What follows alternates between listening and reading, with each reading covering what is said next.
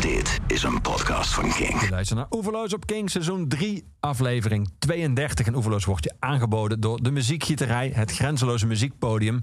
En mijn gast vandaag in Oeverloos is de schrijver van het boek Rock. Waarom rock de beste muziek van de 20e eeuw is. Het is journalist Flip Vuistje. Flip, van harte welkom in Oeverloos. Dankjewel. Fijn dat je er bent. We gaan het uitgebreid hebben over jouw boek. We gaan het hebben over jou. We gaan het hebben over rock. Ehm, en ik dacht, misschien is het wel aardig om te beginnen met een nummer dat een vrij cruciale rol speelt in je boek. In de zin van dat het een, een, een soort overgangsmoment markeert, dit nummer.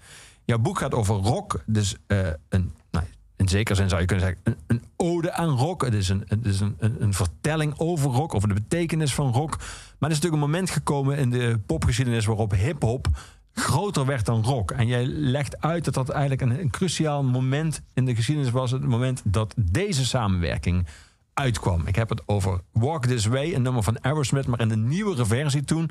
Namelijk als samenwerking met Run DMC.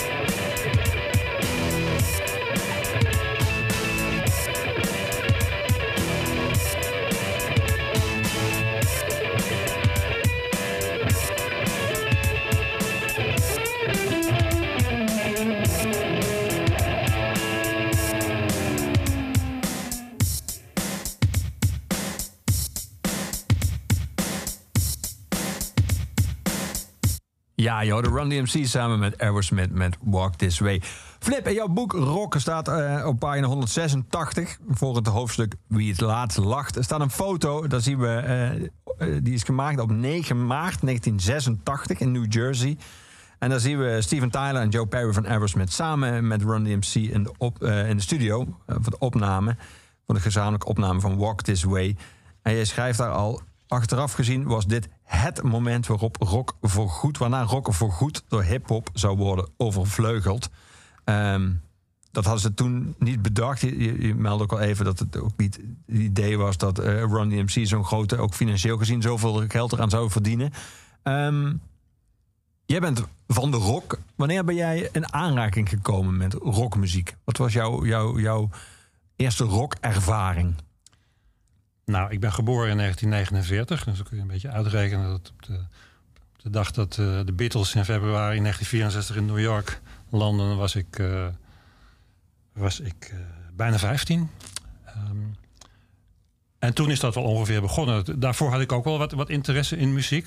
gewoon als, als jeugdige liefhebber. En kocht ik wel eens singles, plaatjes van Elvis Presley bijvoorbeeld. Ricky Nelson. een paar mooie herinneringen aan nog, die, die nummers van toen. Op een gegeven moment veranderde dat met de Beatles. Ik herinner me nog goed dat... Uh, ik heb een oudere broer. Die heeft veel verstand van jazz. En dat was toen ook al zo. En die uh, gaf mij wel eens adviezen op het gebied van muziek. En die zei toen tegen mij een keer... Het is allemaal wel leuk, die, die Elvis en die, die, die, die, nou ja, die, zeg maar die, die popmuziek uh, waar jij naar luistert. Maar is nu iets nieuws. Dus daar moet je eens naar luisteren. Dat, die heette The Beatles. En ik moet zeggen dat ik daar achteraf wel dankbaar voor ben. Want die heeft me toch op een idee gebracht. En zo goed zat ik er toen nog niet in.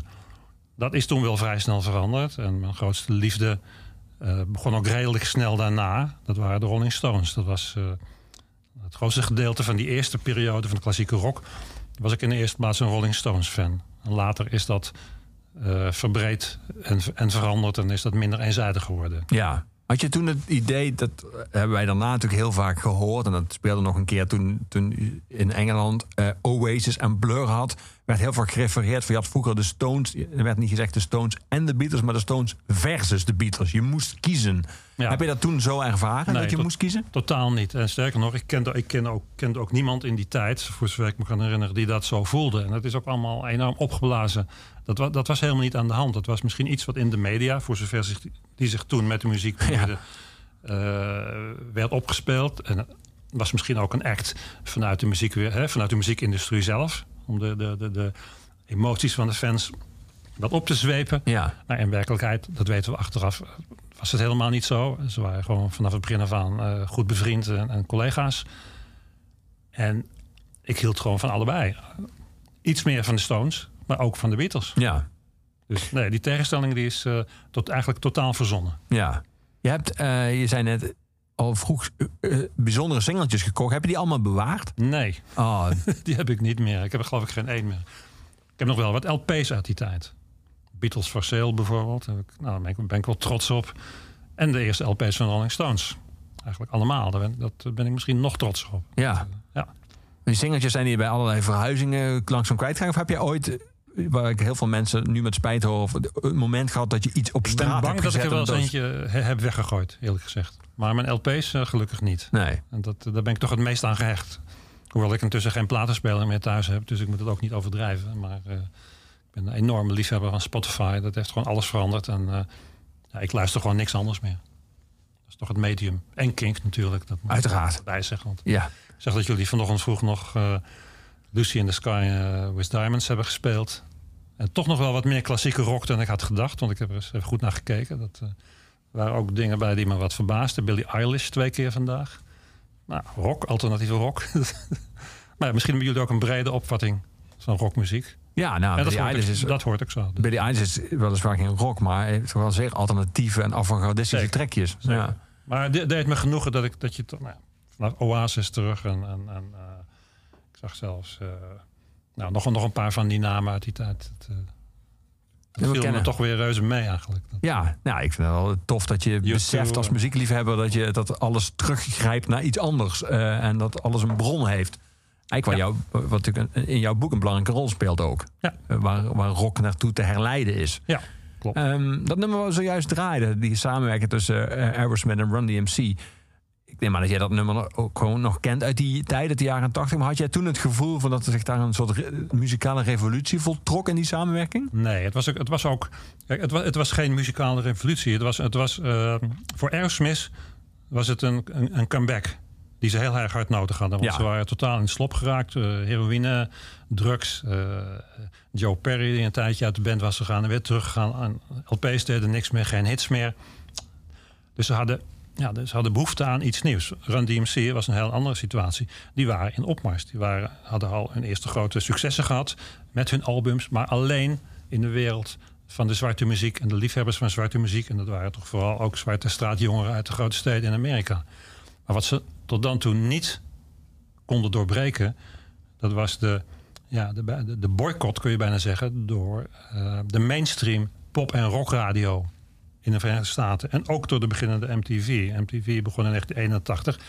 Eh, en die hadden ook echt een politiek, werd het misschien niet zo uitgesproken, maar het was wel de realiteit van. Wij hebben een bepaald idee van ons publiek, een, een segment, dat, eh, op basis van een commerciële strategie. En dat betekent dat we geen muziek van zwarte performers draaien. Klaar. Nou, toen kwam die samenwerking tussen Run DMC en, en Aerosmith, die in, in beide belang was. Want voor Aerosmith was het ja, iets nieuws en ze kregen er 8000 dollar voor, wat toen heel erg veel was voor hun, want het ging niet zo goed met ze. Voor Run DMC was het, ja, lag het een beetje anders. Eh, moesten eigenlijk niet zoveel hebben van Aerosmith. Trouwens, ze moesten van elkaar niks hebben, want eh, ze wisten eigenlijk niet, niet van elkaar niet wie ze waren. En dat was, was ook door anderen georganiseerd. Ik geloof Ja. door Rick Rubin zelf. De, Ja, en grappig, eigenlijk, die, wat in die clip grappig was, dat er een muur tussen stond die doorbroken werd, was eigenlijk gewoon feitelijk waar. Het, het leek er bijna op dat het waar was. Het vooral het moment waarop Steve Tyler met zijn microfoon door die ja, gipsplaten Ja, stoten. dat kwam bijna tot handgemeen. Maar goed, het eindigde natuurlijk in een soort harmonieuze samenzang en een climax. Dat was heel erg leuk. Maar het punt was dat voor Run DMC vanwege, je kunt bijna zeggen, het meeliften op de blanke identiteit, want zo lag het echt hoor, van Aerosmith, dat ze ineens wel, al was het maar eenmalig, toegang kregen tot MTV. En uiteindelijk was, was het ook een goed nummer. Eh, ook tot, tot, tot de eh, Classic Rock Radio en de FM-radio. Het begon in Boston, wat uh, thuisstad van Aerosmith. Werd het nummer snel gedraaid. Ja, en het werd gewoon een enorme hit. En vanaf dat moment gingen de poorten ook voor hip-hop open bij MTV en bij de eh, grote FM eh, Classic Rock stations. Ja, En daarom kun je zeggen, vanaf dat moment, dat weten we allemaal, heeft hip-hop uiteindelijk, want zo snel ging dat niet hoor, maar eh, samen met, met electronic dance music toch echt de rockmuziek overvleugeld. Als je nu vraagt, hè, kijk naar wat is de muziek waar jongeren van houden? Nou, van alles. Maar dan komen hip-hop nog steeds en rap en, en, en dance music toch echt nog wel een stuk voor rockmuziek. En dat, ja, dat is toen, kun je zeggen, dat was het omslagpunt ja, in 1986. ja. Eh, Nu kun je er natuurlijk op verschillende manieren naar kijken. Aan de ene kant kun je zeggen, nou tof dat het uiteindelijk dan eh, toch gelukt is om, om dat bastion te doorbreken. En dat een, een- een zender die toen heel invloedrijk was als MTV ook eindelijk eh, oog kreeg voor eh, zwarte muziekcultuur en voor hip-hop. Aan de andere kant zou je ook heel cynisch kunnen zeggen, nou, dit is dus een witte rockband nodig, een blanke rockband. Om ja, dat, uiteindelijk dat, dat, is, eh, dat kun je eh, zo eh, een beetje cynisch, maar wel realistisch vaststellen. Dat klopt. En eh, misschien kun je niet zeggen achteraf dat dat, nou, dat dat racisme was vanuit die muziekindustrie. Het was een commerciële strategie en ook al een hele oude commerciële strategie. Want die, eh, die gaat al terug tot, tot, tot, tot voor de Tweede Wereldoorlog. Had je in de Verenigde Staten eh, al die segregatie die werd opgelegd, kun je bijna zeggen, door de platenmaatschappijen. Dat zwarte muzikanten mochten alleen maar zwarte muziek spelen. Of muziek die werd gezien als zwarte muziek. Eh, ze konden misschien ook heel andere dingen spelen. Want in het livecircuit eh speelden ze van alles. Van, van, van, van eh, popmuziek van toen tot en met klassieke muziek en Weense wals. Maar in de commerciële strategie van de record companies... werden ze gedwongen in dat ene hok van zwarte muziek. ja, En dat was ja, een combinatie van, van, van racisme en van eh, ja, een tamelijk rukzichtloze commerciële strategie. Ja. Dat is een thema dat uiteindelijk in jouw boek... eh, het komt een paar keer bovendrijven. En uiteindelijk werk je het explicieter uit. Maar het hangt, zou je kunnen zeggen, boven de geschiedenis van rock. Het thema ras. En het thema Wat is de zwarte roots van deze muziek? En, eh, en wat is de verhouding altijd geweest tussen muzikanten en de muziek waar ze eh, hun, eigenlijk waar ze, waar ze hun, muziek zelf aan hebben ontleend? Je, je haalde ook aan hoe bijvoorbeeld eh, Eric Clapton of ook Mick Jagger praten, wat voor termen zij gebruikten als ze bijvoorbeeld eh, Jimi Hendrix beschreven of als ze andere zwarte muzikanten beschrijven. De rassenkwestie eh, en racisme is eigenlijk een soort rode draad, zou je kunnen zeggen, door de geschiedenis van rock. Ja. Nou, Mick Jagger heeft dat nooit gedaan. Eh Eric Clapton wel, maar die zegt wel meer rare dingen tot op de dag van vandaag. Ja, Eh, groot verschil met Mick Jagger, een heel verstandig man is die ook nooit iets heeft gezegd wat, wat verkeerd kan worden opgevat over, over eh, raciale kwesties. Ehm, het is een ingewikkeld verhaal, ook, ook in mijn boek. Want Ja. Om te beginnen, er bestaat het idee, tenminste dat, dat, heb ik, al- dat, dat, dat stel ik vast, dat het, het is een soort gevestigd beeld, in ieder geval onder mensen die er wat meer in geïnteresseerd zijn, dat de rock and roll en later de rockmuziek ja, toch vooral een voortzetting is van zwarte muziek, van blues en rhythm and blues. En wat ik in mijn boek vrij in het begin doe, is juist uitleggen dat dat een te simpel beeld is. Dat invloed van blues is, is eh, duidelijk. Uh, rhythm and blues zeker. Zeker als je kijkt naar de, bijvoorbeeld de eerste beginjaren van Rolling Stones. Toen deden ze niet veel anders dan zo goed mogelijk, getrouw mogelijk naspelen van hun grote voorbeelden uit, uit, uit Chicago. En daar waren ze ook heel open over. Dat was hun missie. Die- ze wilden meer bekendheid geven aan die muziek. En daarom, eh, ja, in, in, in Engeland eh, gingen ze dat zelf spelen. Maar niet met de bedoeling om daar zelf iets oorspronkelijks aan toe te voegen. Nee, dat kwam pas later. Het kwam vrij snel, maar het was niet de eerste, de eerste insteek. eigenlijk waren ze, zou je kunnen zeggen, dat woord bestond toen nog niet, maar een soort tribute band. Kun je zeggen, ja. Dat, Ja. dat kun- je, ja, dat is goed, goed gevonden. Dat, eh, dat waren ze, van Maddie Waters en Howlin' Wolf. En, en nou, nog een paar grote namen van toen. Maar de rockmuziek, zoals die vanaf 1964, 1965 is ontstaan... had veel meer wortels dan alleen die zwarte muziek. Of alleen die zwarte bluesmuziek. Een enorm belangrijke invloed was ook eh, countrymuziek. Dat begon al met Elvis Presley, die... eh, natuurlijk aan de ene kant ook voortborduurde op, op, op zwarte muziek, maar aan de andere kant ook op countrymuziek, die in de eerste beginjaren ook bekend stond.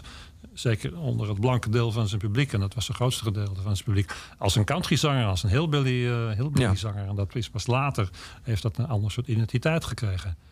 Eh, en dat geldt voor nog een heleboel anderen ook. En zelfs Bob Dylan heeft eh, wel eens verklaard dat hij eh, ja, eigenlijk in zijn begintijd nog meer dan door folkmuziek is beïnvloed door countrymuziek. Dat was, eh, ja, dat was waar hij het, het meest van onder de indruk was. Maar ik noem het al, folkmuziek is ook een enorme invloed op de rockmuziek. Eh, ja, het legendarisch optreden van Bob Dylan in 1965 hè, op het Newport Folk Festival. Toen hij voor het eerst, nou het was niet helemaal voor het eerst, maar zo werd is het later eh, opgevat, voor het eerst elektrisch ging, zoals Ja, het heet. en waar die niet langer akoestisch. Dat is wel een beslissend moment geweest in de geschiedenis van de rockmuziek. In, in het ontstaan van de rockmuziek. Omdat er vanuit die folktraditie ook een heleboel dingen kwamen die rechtstreeks hun weg vonden naar wat wij achteraf zijn hè, gaan zien als rockmuziek.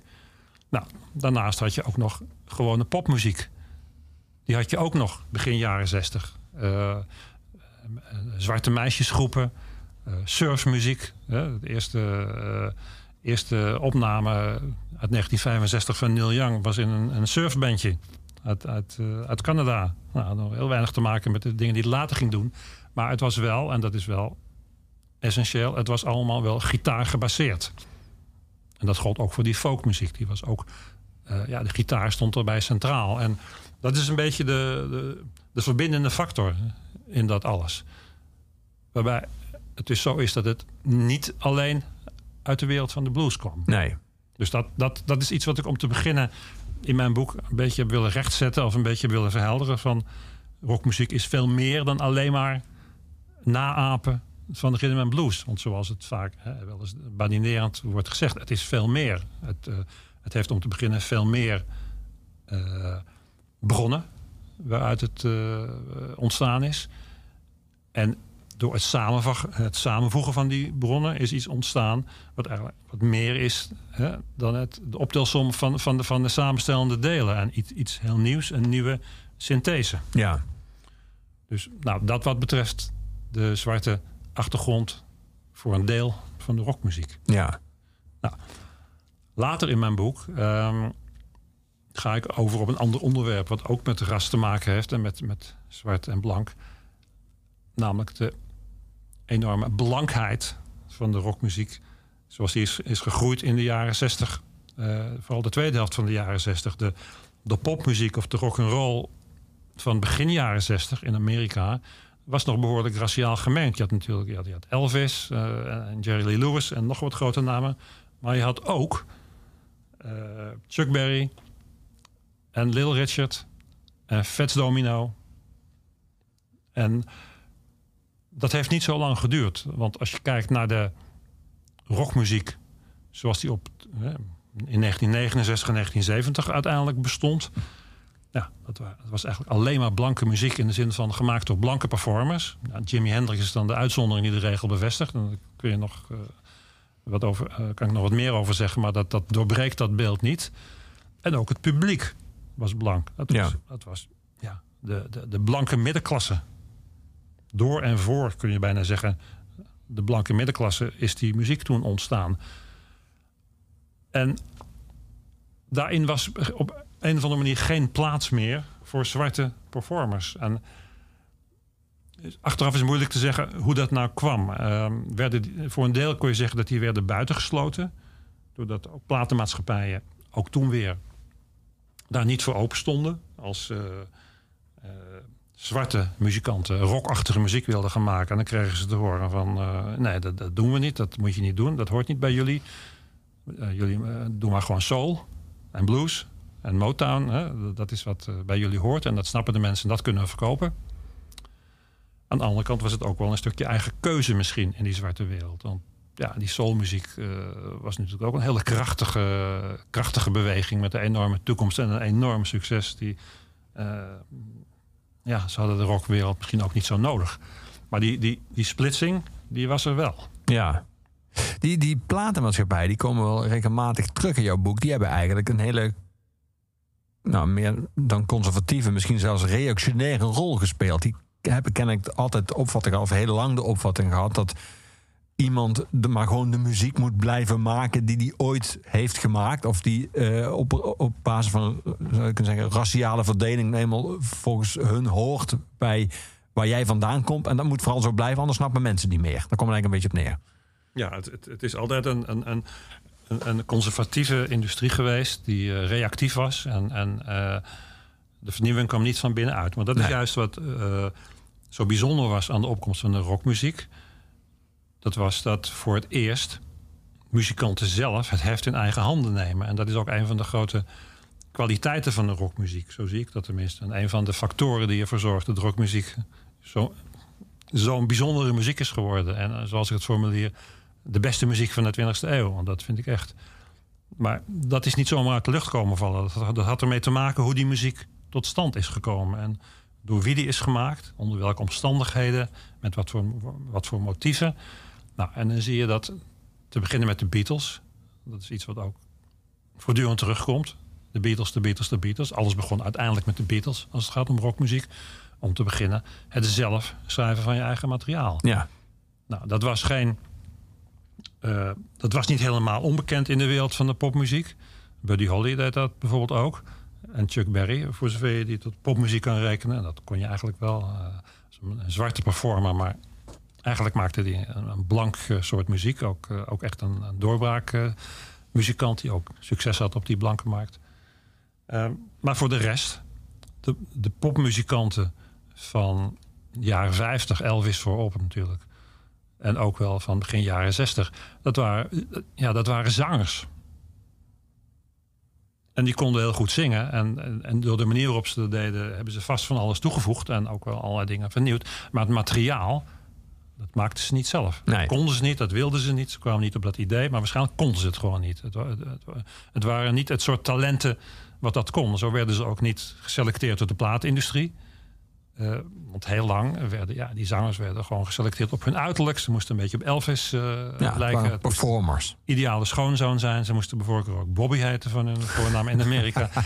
uh, en ze hoeft niet veel te kunnen. Ze moesten gewoon een beetje kunnen zingen. Dus het waren, het waren ook geen jongens die al jarenlang zich hadden bekwaamd in muzikale technieken. En dat was het enorme verschil met die eerste generatie rockmuzikanten. Het waren doe-het-zelvers. Het waren jongens die het heft in eigen handen namen. Uh, vooral in Engeland.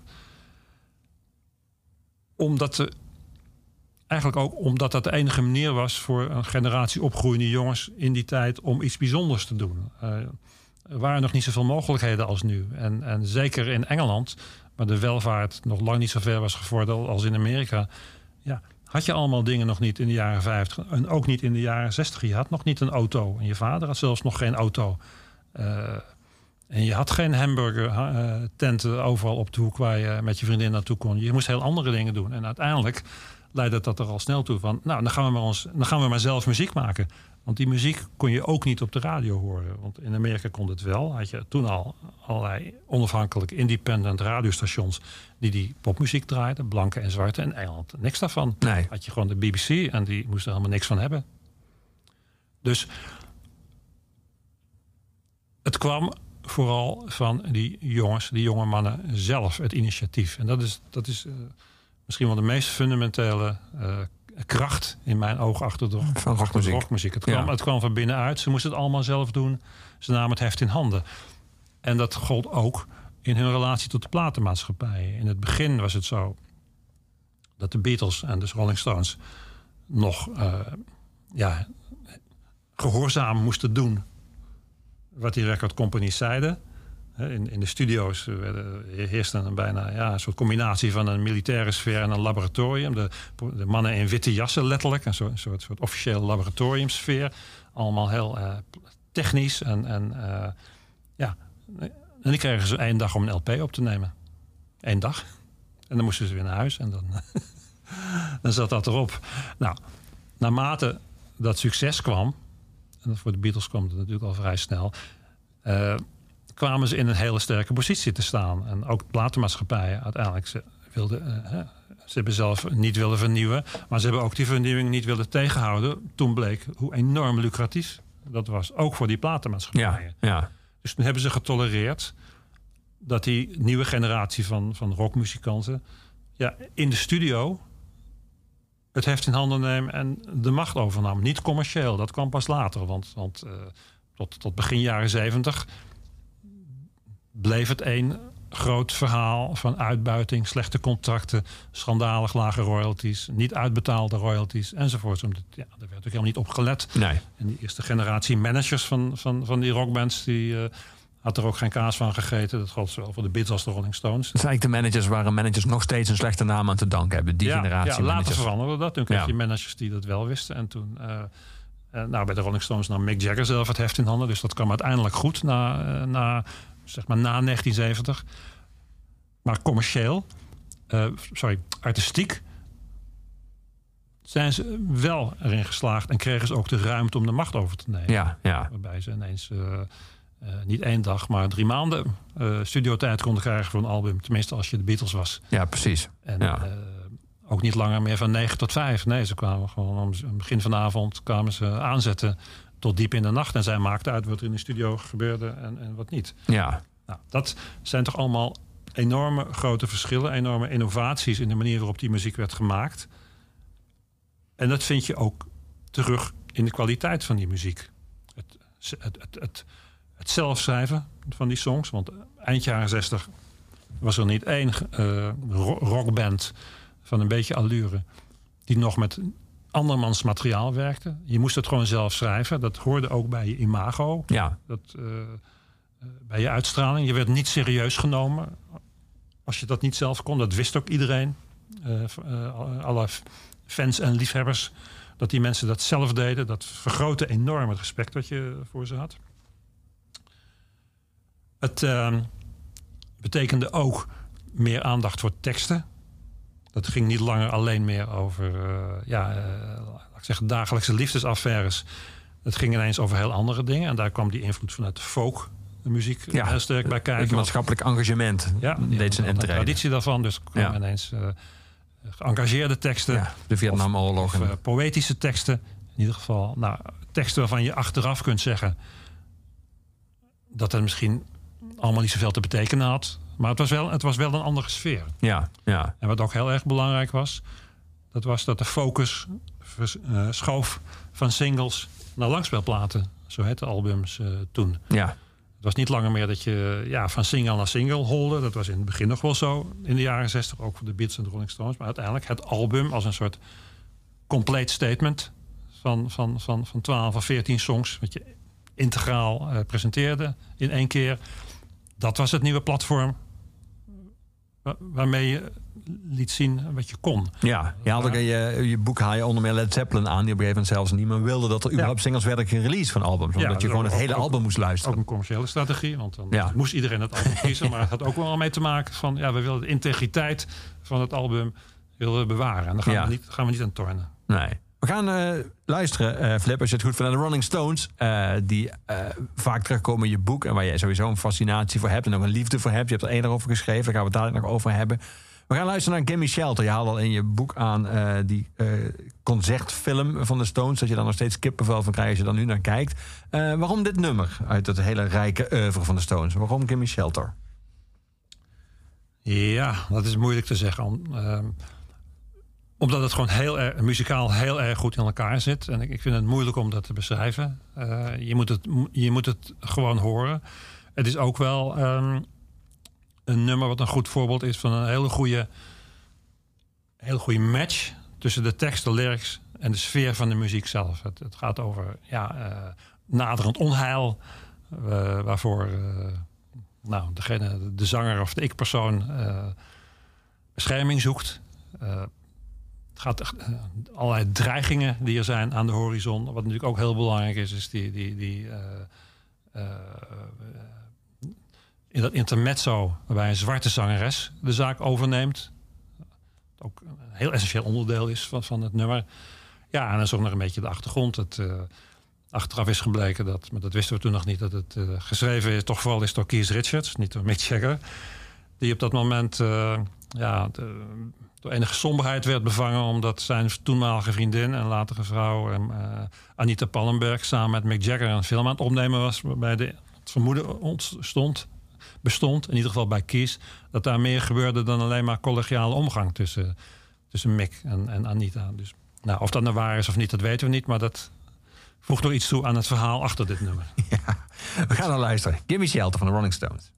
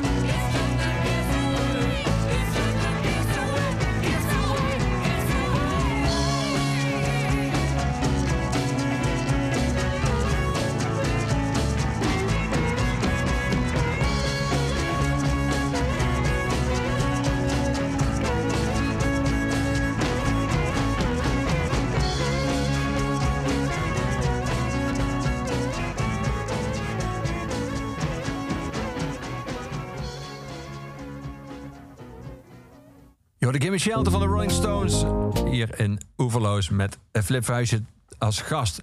Flip, je, je, bent enorme Stones-liefhebber. Je hebt eh, eerder ook al over de Stones zelf geschreven. Je hebt één boek, dat is dan ook een soort nieuwe geüpdate versie uh, uitgekomen. Uh, Mechanomus in 2013 over de, de, zeg maar de zakelijke kracht van de Rolling Stones. Daar haal je onder meer in het boek uh, de autobiografie aan van Bill Wyman, uh, Stone Alone, waarin hij nog beschreef dat de leden van de Stones in 1965 bijhielden met hoeveel vrouwen ze hadden geslapen tijdens hun eerste twee tourneejaren tot 1965. En bovenaan stond dan Bill Wyman zelf met 278. En op de laatste plaats stond Charlie Watts met 0. Uh, maar zoals jij toen in je boek schreef, Charlie Watts was eigenlijk ook een hele die was een soort kracht van buiten die band in die band. Hij was eigenlijk meer een jazzmuzikant en een ja. jazzliefhebber. En de Stones waren een soort van zijn, zijn dayjob. Um, viel het je zwaar, zijn uh, het ontvallen? Um, ik, had het, ik voelde het eigenlijk wel aankomen, eerlijk gezegd. Want we wisten natuurlijk dat hij uh, al, uh, ik geloof in 2006 is behandeld voor keelkanker. Ja. Um, dat het goed is afgelopen. Maar ja, dan blijf je toch in het achterhoofd houden van dat iemand blijkbaar kwetsbaar is. En ja, ik had, ik had er geen goed gevoel bij, laat ik me zo zeggen. Dus toen mijn vrouw op een gegeven moment zei van... Had ze gelezen van Charlie Watts is, is, is dood. Ja, uh, dat komt wel even aan. Maar het, was geen... Um, het was geen grote verrassing, laat ik het zo zeggen. En het is natuurlijk ook zo, ja, hij was 80. Is natuurlijk toch wel even wat anders als... Ja, David Bowie was, wat was die? 69 geloof ik, is toch wel even wat anders. En, nou, het was... Um, het zat eraan te komen. En we zullen het nog meer gaan meemaken. Ja. Dit soort momenten. Ja. Nou, we maken natuurlijk al, zijn er al behoorlijk wat grote sterren van wie noemde Bowie al tot Prince. Tot, ja. uh, zijn, en die was al heel jong. Uh, zijn ons ontvallen de afgelopen jaren. Lemmy van Motorhead. Ja. Um, je, in dat boek destilleerde jij ook uh, lessen, een soort geschiedenislessen van de Stones. en dat vond ik wel fascinerend, want de eerste les die je toen formuleerde, die voor die Stones gold, was volg je hart. Uh, je schreef toen geen van de bandleden was het aanvankelijk om het geld te doen. Je noemde het net al even. Dat in eerste instantie was het zo zeggen, het doel van de Rolling Stones was de muziek waar ze zelf van hielden te eren en een soort van uh, opnieuw in leven te brengen live. Um, je schreef ook dat een van de lessen was dat je ook af en toe een, een beetje geluk moet hebben als band. dat je altijd eerst je oefeningen moet doen dat je moet werken, werken en nog eens werken. Dat arbeidsethos, dat komt ook een paar keer terug wel in, in dit boek. Rock is toch wel een vrij belangrijke factor in rock en bij succes. Niet alleen het arbeidsethos, maar, maar uh, dat, dat is heel erg belangrijk. Wat enorm onder, onderschat wordt. Uh, maar wat er meteen ook bij hoort, is doorzettingsvermogen. En geduld. En uithouden. En vooral volhouden. Dat zie je... Nou, dat begint al bij de Beatles. Die... nou ja, John en Paul ontmoeten elkaar op 6 juli 1957. Het zou vijf jaar duren, vijf en een half jaar, voordat hun eerste singeltje eind uh, 1962 uitkwam. En nou, daarna is het vrij snel gegaan. Maar al die tijd hebben ze gezwoegd en geploeterd. Nou ja, we kennen die verhaal allemaal in Hamburg. Uh, vaak uh, bijna opgegeven, omdat ze dachten, ja, we zullen het nooit zullen nooit echt doorbreken. Dit wordt niks. Toch maar doorgegaan enzovoort. En volhouden en volhouden en volhouden. Nou, daar zijn later andere voorbeelden bij gekomen. Die noem ik ook. Ik noem er, uh, ik, ik, noem er drie in mijn boek. Het voorbeeld van David Bowie. Uh, David Bowie had zijn eerste uh, nummer één album in de Verenigde Staten in 1975. En hij is begonnen in 1962. Dus het heeft, het heeft 13 jaar geduurd uh, voordat hij echt aan de top stond. In 1969, dat is iets wat veel mensen herinneren, had hij, had hij natuurlijk een hit met Space Oddity. Maar zo'n grote hit was dat helemaal niet. Het was, uh, kwam in Engeland tot nummer 6 en deed verder niet veel in de rest van de wereld. Daarna kwamen weer de vele mislukkingen die hij daarvoor ook al had gehad. Floppende singles, floppende albums. En duurde het nog een jaar of twee, drie voordat, voordat hij dan eindelijk, vooral natuurlijk met uh, het Ziggy Stardust album, in ieder geval in eigen land doorbrak. En toen duurde het nog twee, drie jaar voordat hij in de Verenigde Staten doorbrak. Nou, 13 jaar volhouden. Uh, dat is één voorbeeld. Een ander voorbeeld, uh, wat ik noem, is The Who. Ja. Die hebben er uiteindelijk met ups en downs ook zo'n negen of tien jaar over gedaan voordat ze echt gevestigd waren. Hè, dat, eh, hun grote doorbraak was het, natuurlijk het album Tommy uit 1969. Maar daarvoor hadden ze al ja, kleinere successen behaald. Maar ook weer downperiodes waarbij ze bijna hadden besloten om maar mee op te houden. Verdienden niks, eh, braken in Amerika niet door. Ging het toch door uiteindelijk. Totdat dan, nou, dat succes kwam. Maar als je goed telt, heeft dat wel eh, een jaar of negen geduurd voordat ze echt, kun je zeggen, er waren. E- Echt gevestigd, ook in Amerika. Negen jaar. Nou, eh, het derde voorbeeld dat ik noem is Elton John. Kunt je afvragen, is dat nou een rockmuzikant? muzikant? nou, voor een deel wel, voor een deel niet. Maar hij hoort, hij hoort toch wel echt bij dit verhaal. Nou, begon ook in 1962. Eh, heeft ook tot 1970 geduurd. Of 71 zelf, ik meen 70. Voordat hij echt een eerste serieus succes had. Acht jaar lang zwoegen, eh, gekke dingen doen, andere dingen moeten doen. eh, mislukkingen, floppende platen, floppende albums, floppende singles. En toch doorgaan. Ja, Nou, dat, dat, dat, daarin zit het verschil. Toch die motivatie hebben van we willen het, eh, we kunnen dit, dit is wat we doen, dit is onze ambitie. ja. je haalt ook in, eh, in het boek Rock haal je eh, Malcolm Gladwell aan. Dat is een journalist van de New Ja. Yorker. Die heeft ooit in 2008 een boek Outliers geschreven. Uitschieters is dat vertaald in Nederland. Uit, uitblinkers bedoel ik. Ehm, en de ondertitel daarvan was The Story of Success. En hij, hij, de vraag is eigenlijk die hij zichzelf stelt en probeert te beantwoorden. Hoe komt het dat sommige mensen succes hebben en andere mensen niet? En, en dan komt hij dus uiteindelijk heel erg uit bij. eh, hij heeft een soort van aantal criteria. eh, probeert hij eruit te destilleren. Maar die, dat doorzettingsvermogen, gewoon doorgaan, dat is eigenlijk wel een heel erg bepalende factor, toch? Eh, En oefenen, oefenen, oefenen. En, en hij had, eh, ik geloof dat het de 10.000 uur ja, 10.000 uur regel. dat je al- regel. Die, die, die, eh, dat, dat, past hij, dat zit hij bij de Beatles. Ja, dat je- ook, als ook bij Bill Gates. Hij ziet ook bij, ook bij Bill Gates, die eh, eh, voordat hij succesvol werd, eh, eindeloos heeft zitten programmeren en zichzelf dat leren en, en in zijn eentje dat heeft zitten doen. Nou, de Beatles, die eh, vijf jaar lang hun talenten hebben geperfectioneerd. eh, eh, als, als gitaristen, als band in hun, in hun samenspel, als songwriters. Nou, dat, er is een ongelofelijke hoeveelheid energie oefenen ingegaan. Een enorme hoeveelheid investeren van je tijd en je, en je energie. En uiteindelijk levert dat dan iets op. Niet, niet per se, want eh, Nee, want we zien natuurlijk nu de voorbeelden van bands die, wie het uiteindelijk heel, die heel ver zijn gekomen. Dan kun je dan terug herleiden van, oh, ja, ze hebben er ook heel veel tijd in gestoken. Maar natuurlijk tal nou, van zo, zo, zoveel tijd als, als, als de Beatles toen en die generatie. Ik geloof niet dat dat nu erg veel voorkomt, maar ik, ik kan me vergissen. Maar het is natuurlijk zo dat op zich is eh, dat doorzetten en dat eh, enorm je best doen en oefenen en, en alles opzij zetten, jaren en jaren achter elkaar. Dat is, nou, om, het een beetje eh, formeel te formuleren, dat is, een, dat is een noodzakelijke voorwaarde voor succes, maar nog geen voldoende voorwaarde. Nee. Want eh, je kunt nog net zo goed je best doen, van goede wil zijn en, en, en jarenlang je best doen. Maar als je geen talent hebt. geen talent hebt, dan lukt het nog niet. Dus het Nee. is, Dat is wel er interessant. komt punt, nog iets bij. Het, het, ja. het gaat om een combinatie van factoren. ja, dat is wel interessant. Want in heel veel van die eh The Voice-achtige eh talentenshows... zie je heel vaak mensen die... waarvan je vrij snel kan concluderen... dat ze niet het talent hebben dat je nodig hebt om een ster te worden... wat Ja. ze wel graag willen worden. Ja.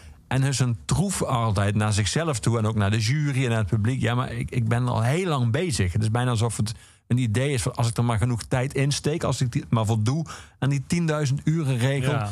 dan is het dat, hetgene wat het universum mij terug moet geven, is wel succes dan. Ik betwijfel of, eh, of in veel van die gevallen er inderdaad 10.000 uren is geoefend met dat zingen. Maar dat, oké, daar wil ik vanaf zijn.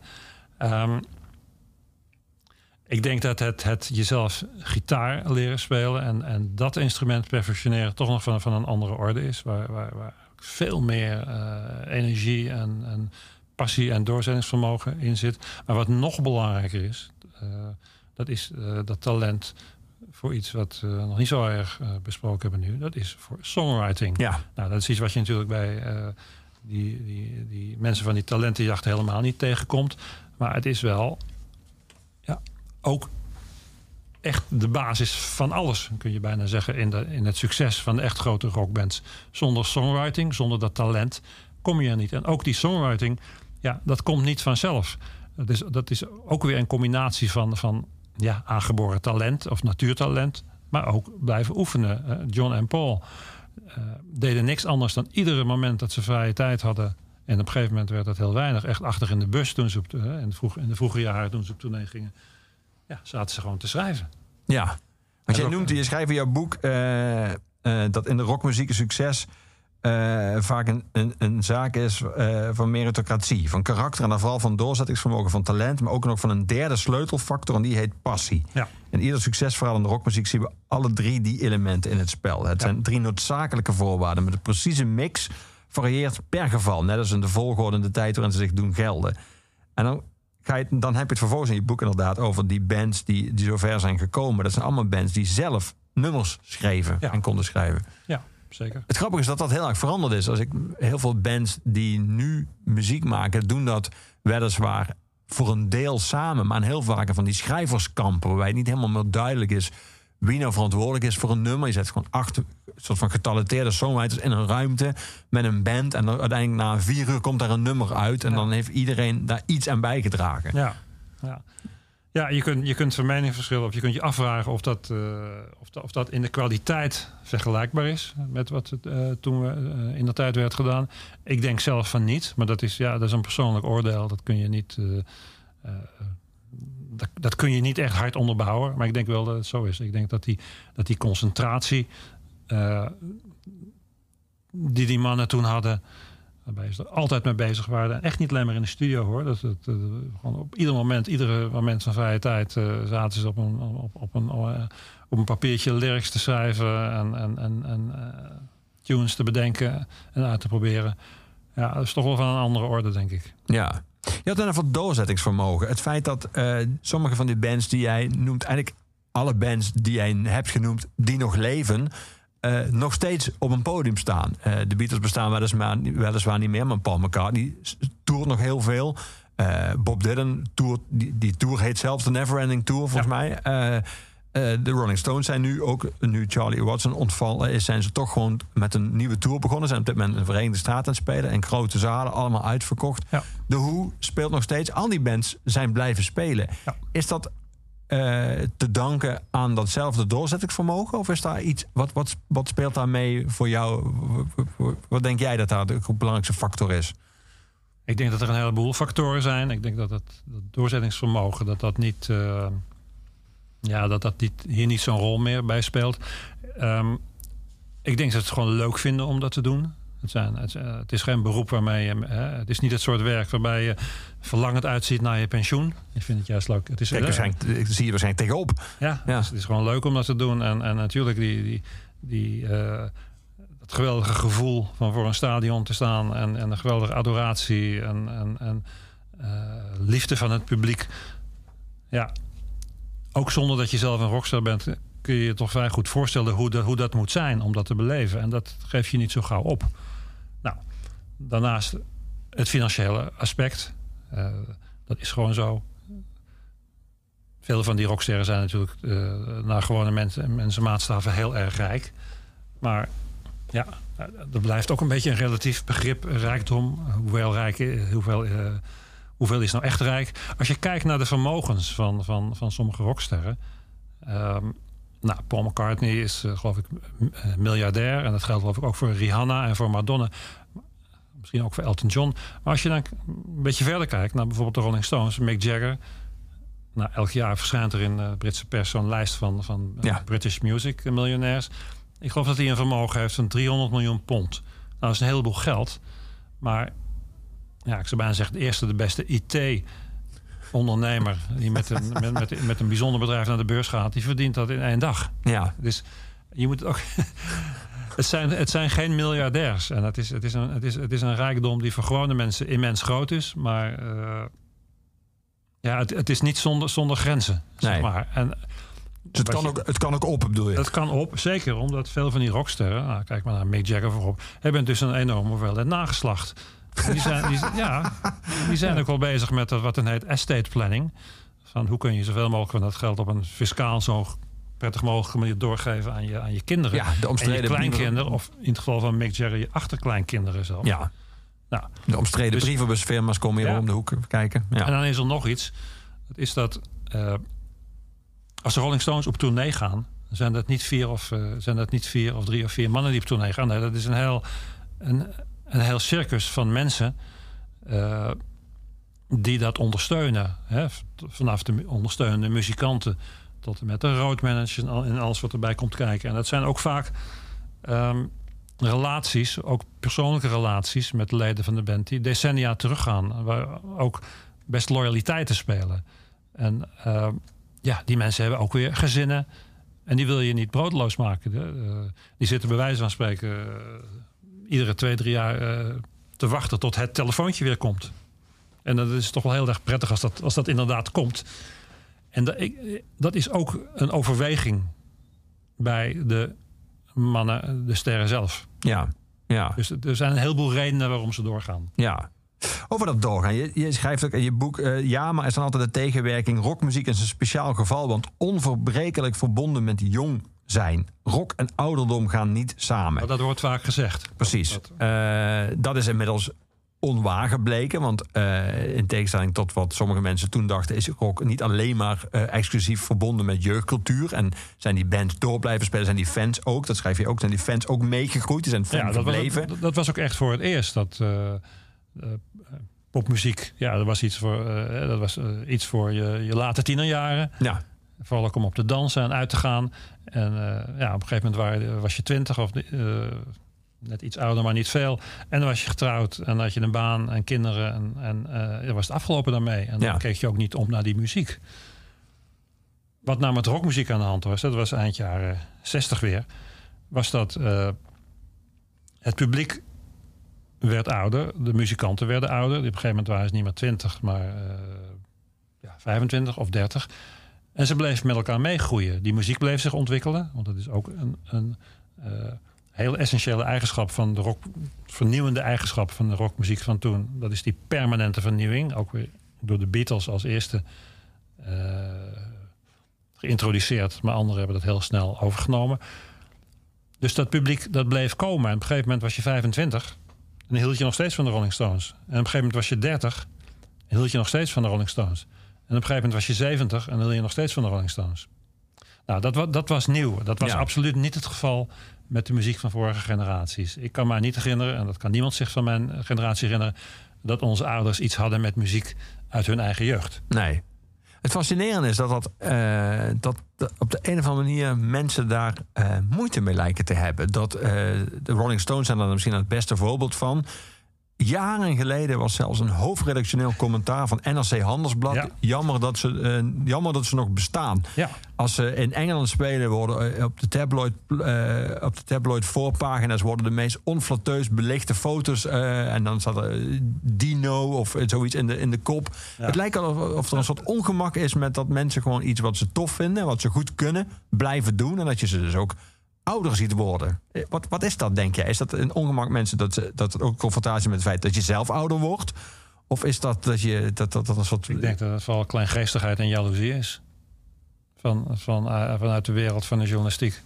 Een bepaald onderdeel daarvan. Ja, En, ja, meer is het volgens mij niet. Het is gewoon onzin. En eh, ja, wie dat vindt, die, die mag dat vinden. Maar uiteindelijk, ja, het is irrelevant. Het enige wat telt is wat de muzikanten zelf doen en wat hun publiek doet. ja. En het publiek komt naar de Rolling Stones en interesseert het helemaal niks van wat er in NRC Handelsblad staat. Je schrijft dat ook in het boek wat je schreef over de zakelijke kant van de, Mick Ja- van, eh, van de Rolling Stones. En dus ook vooral over Mick Jagger. Die negen lessen, les acht was, ach, het zijn de media maar. Nou, dat was natuurlijk daarop geïnspireerd. Van, ja, eh, je moet je, nou, eh, moet je er gewoon niet veel van aantrekken. Want ja, met alle respect voor, voor mijn collega-journalisten. uiteindelijk zou ik bijna zeggen, het zijn maar, en ik steek nu mijn vingers op, dus aanhalingstekens, journalisten. En een, een gemiddelde journalist is een vrij eh, ja, normaal doorsnee iemand van, van normale, eh, bescheiden eh, talenten en betekenis. Een rockster is dat niet. Ja, en wat zo iemand vindt van een rockster, Ja, dat kun je eigenlijk niet serieus nemen. Het is niet aan journalisten, ook niet aan rock- en popjournalisten, om een oordeel te vellen over dit soort dingen als het gaat om rocksterren. Wat wel veranderd is, Flip, en dat is wel interessant, vind ik. Je, zei, je noemde net het doorzettingsvermogen. Dan heb je het over artiesten zoals, je ze allemaal al, Bowie en ook eh, eh, de Stones zelf, die je, jarenlang de Beatles, jarenlang een aanloop hebben genomen. Eh, en dan is eigenlijk, zou je kunnen zeggen, de, de maatstaf van succes is een plaat. Of een plaat dat goed doet, of een single.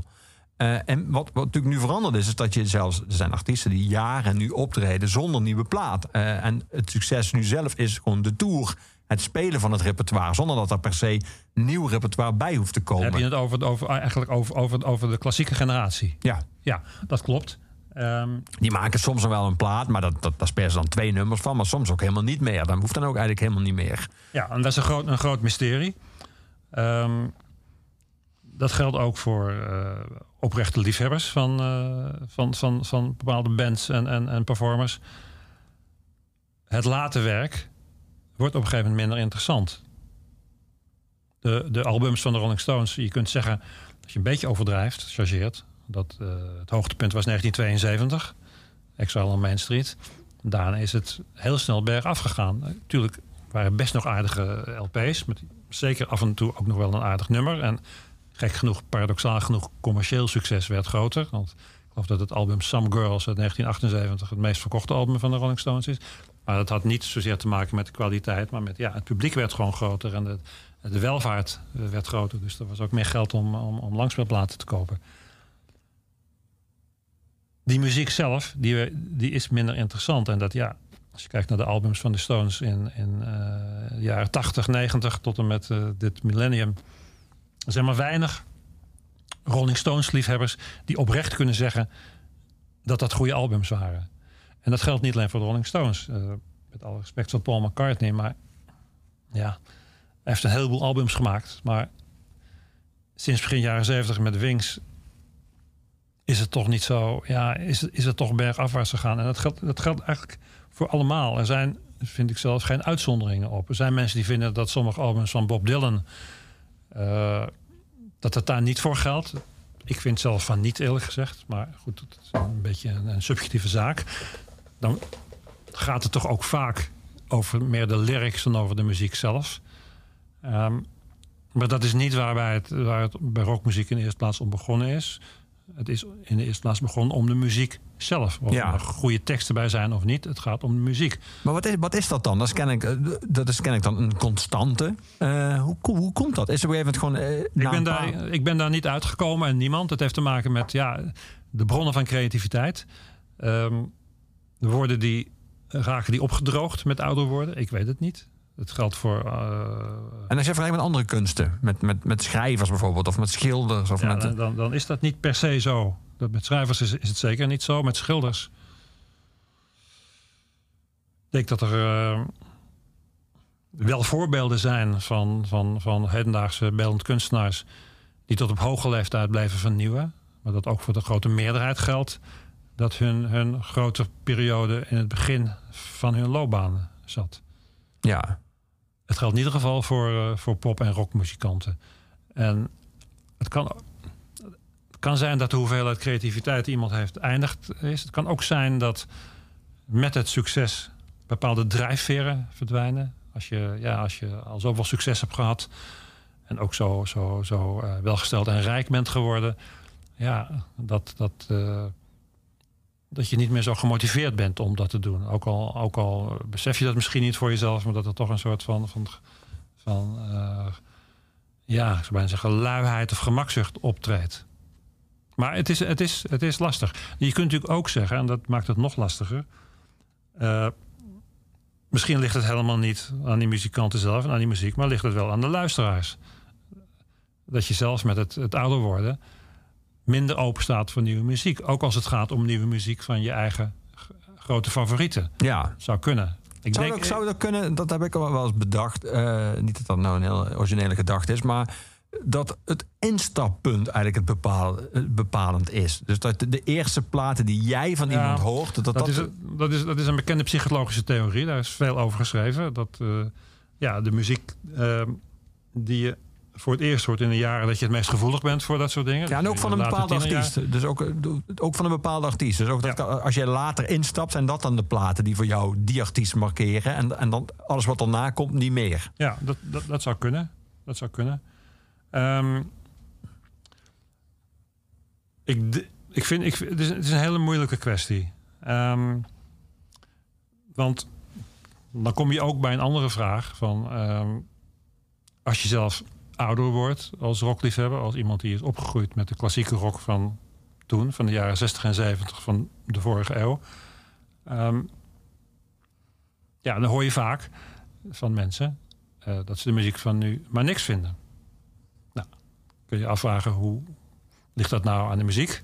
Of ligt het aan die mensen zelf? Hè, de muziek is gewoon niks mis mee, die is net zo goed als toen. Eh, kun je niet zomaar zeggen dat het, eh, dat het niks meer is. Ligt gewoon aan jezelf. Je, bent gewoon, je staat er gewoon niet meer voor open. Nou, een hele moeilijke kwestie. Ik zelf denk dat je niet zo zeer kunt relativeren. Dat je niet kunt zeggen van je hebt muziek van alle tijden en die is allemaal even goed. En iedereen heeft zijn eigen favoriete muziek uit zijn eigen jeugd. En dat, dat, dat, dat zie je steeds weer opnieuw. En het, dat heeft, is allemaal van dezelfde waarde. Ik denk van niet. Maar die test hiervoor, die ligt in de, in, in de toekomst. Ja. De Rolling Stones trekken nu volle zalen. Nog steeds stadions. En dat bedoel, moet je je voorstellen dat de Beatles eh, via een, een bovennatuurlijk wonder eh, weer eh, verenigd zouden worden en op tournee zouden gaan. Ja. Ik bedoel, wat zou er gebeuren in de wereld als dat zou gebeuren? Nou, dat weten we wat er gaat gebeuren. Dat is immens. En dat zolang de, dat zijn natuurlijk vooral de mensen uit de generatie van toen, maar ook wel jonger. Maar wat zou er gebeuren als over 40 jaar Beyoncé of Billie Eilish weer op tournee gaat? Is dat, zal dat dan dezelfde emotionele impact hebben? Dezelfde, hetzelfde succes, dezelfde betekenis? Nou, je kunt, ja, dat, dat kun je nu niet zeggen. Je kunt alleen, eh, nou, samen met David Hepworth, dat is een Engelse eh, rockjournalist van, uit 1950 is die zelf, die eh, heel veel boeken heeft geschreven.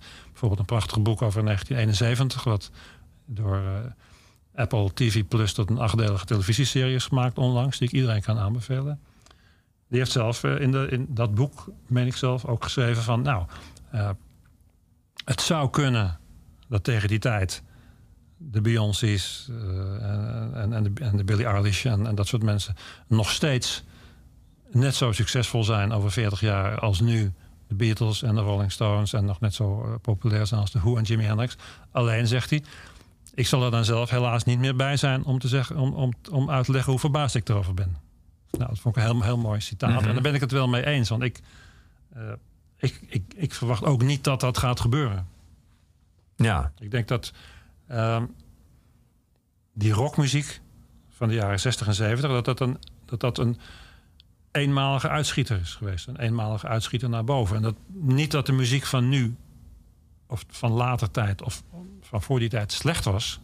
Helemaal niet, want de goede muziek is iets van alle tijden. En je moet ook vooral nooit luisteren naar, naar oudere mensen die roepen dat de muziek van nu, eh, dat het niks meer is. Want meestal weten ze er helemaal niks van. En praten ze over iets waar ze, waar ze nooit naar luisteren. En dus ook geen, geen recht van spreken over hebben. Dus dat moet je vooral nooit zeggen. Ehm, er is ook nu goede muziek. En die zal altijd blijven. Alleen er is één periode geweest. En dat is zoals ik het zie. Waarin er muziek was die niet alleen goed was. Maar uniek goed. Van een, van een, van een eenmalige... eh, van een eenmalige orde een eenmalige kwaliteitssprong. En dat was toen. En dat komt niet meer terug. De- denk ik. Maar Ja. goed, ik zal er ook over Maar 40 jaar niet meer bij zijn, omdat... eh, Ook niet, Om bij die diezelfde, ook niet bij diezelfde artiesten zelf dus. Komt dat niet meer terug. nee, Nee. dat komt, nee, dat is waar. Want eh, het, het nieuwe werk van die mensen... eh, dat is niet interessant. Dat zie je ook aan de setlists van... van, van eh, dat geldt niet alleen van de Rolling Stones, dat geldt voor iedere band. Concerten wordt het oude oeuvre gespeeld. En dat is, maar, dat is logisch ook, want dat is... Eigenlijk komt het er vaak op neer dat artiesten spelen een paar nieuwe nummers voor zichzelf. ja, En daarna, ja, maar dat doen ze ook steeds minder volgens mij. want- en daarna de oude nummers voor ze, de weten, mensen. ze weten dat het, dat het eigenlijk het publiek dat niet wil. Of dat het publiek dan massaal even tussendoor eh, iets anders gaat doen. Of even eh, naar het toilet gaat of zo. Dat, ja, oh god, er komen de nieuwe nummers. Ja. We gaan nu naar iemand luisteren die op zich da- dat wel altijd durfde. Op het eind van zijn leven eigenlijk ook weer terugging naar zijn oude werk. David Bowie. Die heeft natuurlijk in de jaren 90 bijvoorbeeld geëxperimenteerd met jungle. Ik heb toen zelf nog een Vredenburg gezien. En die set bestond gewoon voor meer dan de helft als nieuw werk. Eh, die, die heeft wel momenten gehad waar hij gewoon dacht van... ik breek nu even met dat verleden. En dan greep het ook wel weer op terug. Maar momenten dat ik dacht, nu even... eh, Tijd, tijd voor mezelf, zou ik bijna zeggen. Ja, ja, ja. Eh, je haalt een, een hele interessante uitspraak over hem aan in jouw boek, het nieuwe boek, een rock, waar je schrijft dat, ik weet niet meer wie het zei, maar iemand zei, als Dave Bowie nu zou leven, is de vraag of hij überhaupt muzikant zou zijn. Misschien zou hij wel iets heel interessants doen op internetgebied. Nou, nou eh, degene die dat, heeft, die dat heeft gezegd, dat was David Bowie zelf. Die heeft zelf in een interview gezegd van als, eh, als in, in, in mijn begintijd het internet, had, internet had, eh, had bestaan, dan was ik geen rockmuzikant geworden. Dan was ik geen muzikant geworden. Dan was ik heel iets anders gaan doen. Dus ja. Fascinerend, toch? Ja, zeker. En dat, ehm, dat brengt me ook weer een beetje terug tot dat idee dat die eerste generatie rockmuzikanten, die waren uniek gemotiveerd, ook al om, omdat ze ook niet zoveel andere mogelijkheden hadden nog. Je, kon, je, je had wel meer mogelijkheden in de jaren 60 van de vorige eeuw. Wat je bijvoorbeeld vooral had als, als nieuwe mogelijkheid, was langer wachten met echt een serieuze baan te vinden. Ja. Omdat het, het- het- de mogelijkheden voor hoger onderwijs... die waren enorm uitgebreid door de overheid. Die werd ook allemaal gefinancierd. Dus je kreeg meer tijd en meer gelegenheid... om, ja, om je eigen ding te vinden. En dat was nieuw. Maar de hoeveelheid nieuwe wegen die je erbij kon inslaan... die was nog vreselijk klein. Want de economie en de techniek was nog veel, veel minder ontwikkeld dan toen. De, arbeidsmarkt was dat veel simpeler in elkaar. Je had gewoon een aantal, een aantal banen en allerlei nieuwe dingen die je later hebt gekregen. Nieuwe technieken en nieuwe bedrijfstakken. eh, internationale loopbanen enzovoort. Dat bestond allemaal toen nog niet. Dus ja, als je wat wilde en je was jong... eh, en je was, eh, had geen zin om eh, iets heel voorspelbaars te gaan doen, dan kwam je al vrij gauw uit bij het muzikantendom. Dus de hoeveelheid energie en creativiteit en passie die toen gefocust werd, werd op, op enkel en alleen die muziek, die was heel erg groot. En, en lang niet alles wat eruit kwam was natuurlijk van hoog niveau, maar dan gaat een beetje de statistiek meetellen, de wet van de grote getallen. Ook als maar een heel klein percentage van al die eh, jonge mannen die hun best gaan doen om, om, om, een loopbaan in de muziek te krijgen, als maar een heel klein percentage daarvan heel talentvol blijkt, ja, dan zijn dat in absolute aantallen, niet relatief, maar in absolute aantallen, nou, best wel een behoorlijke groep. Misschien Ja. enige tientallen. Als je kijkt naar de echte top, de crème de la crème van de, van de rockmuziek, de Britse rockmuziek en ook de latere rockmuziek in de Verenigde Staten, ja, dan praat je misschien over 100, 200 mensen. Maar dat is er meer dan genoeg. Ja. We gaan David Bowie eh, Ja. drijven. Eh, we gaan luisteren naar het nummer Rock'n'Roll Suicide. Eh, waarom deze? Nou, mooie tekst. Ehm, muzikaal heel knap eh, in elkaar gezet. Ehm, en vooral een prachtig einde. Nou, moet je maar luisteren direct. Hè? Dat, dat, wat hij dan allemaal tegen het publiek zegt. Het is ook eh, een soort van, van, van David die eh, te hulp schiet. We hebben het allemaal moeilijk. Het is, het is ook best emotioneel en een beetje ontroerend zelfs. En dan eh, vooral ook dat ge- geweldige gitaarwerk uiteindelijk van, van Mick Ronson. Die toch bij de echte doorbraak van David Bowie als rockmuzikant een hele grote rol heeft gespeeld. Echt iemand die een, een beetje onderschatte ro- rol speelt in de geschiedenis van de rockmuziek. Ja, we gaan naar luisteren. Ja. David Bowie met Rock'n'Roll Suicide.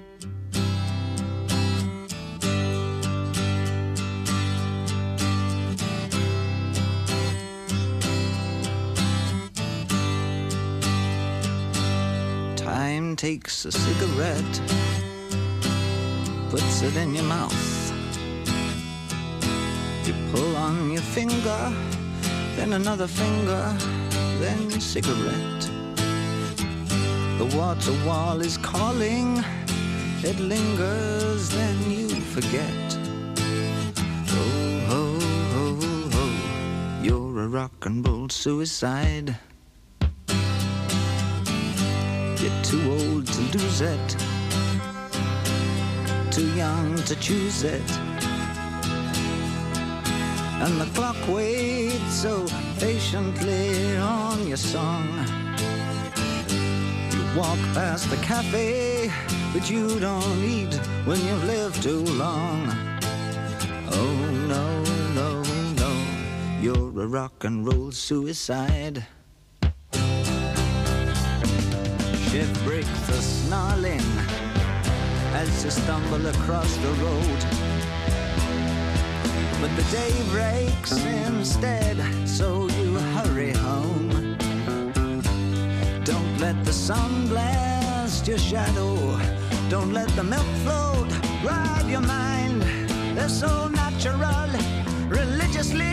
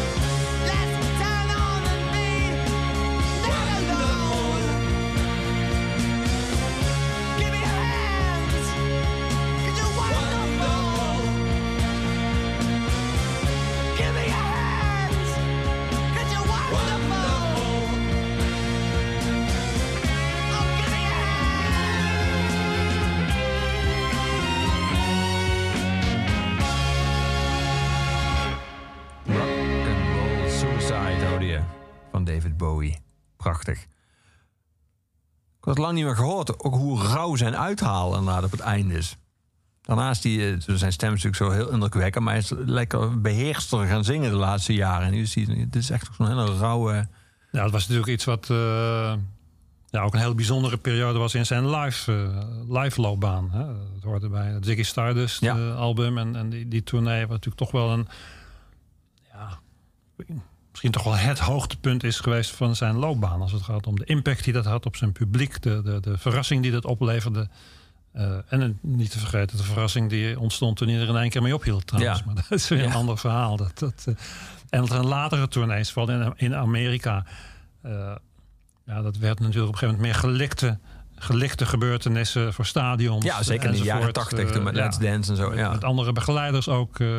dat ja, was misschien toch wel, eh, ik wil niet zeggen minder, maar eh, zeker anders, laat ik het zo zeggen. Ja. En ik, zelf, ik denk ook, maar daar hebben we het net ook al over gehad, dat het, het nieuwe werk wat hij toen schreef, eh, ja, dat dat toch ook geleidelijk minder is geworden. En hij heeft nog geluk gehad dat hij toen hè, Nile Rodgers nog heeft kunnen charteren in de jaren tachtig voor het Let's Dance album.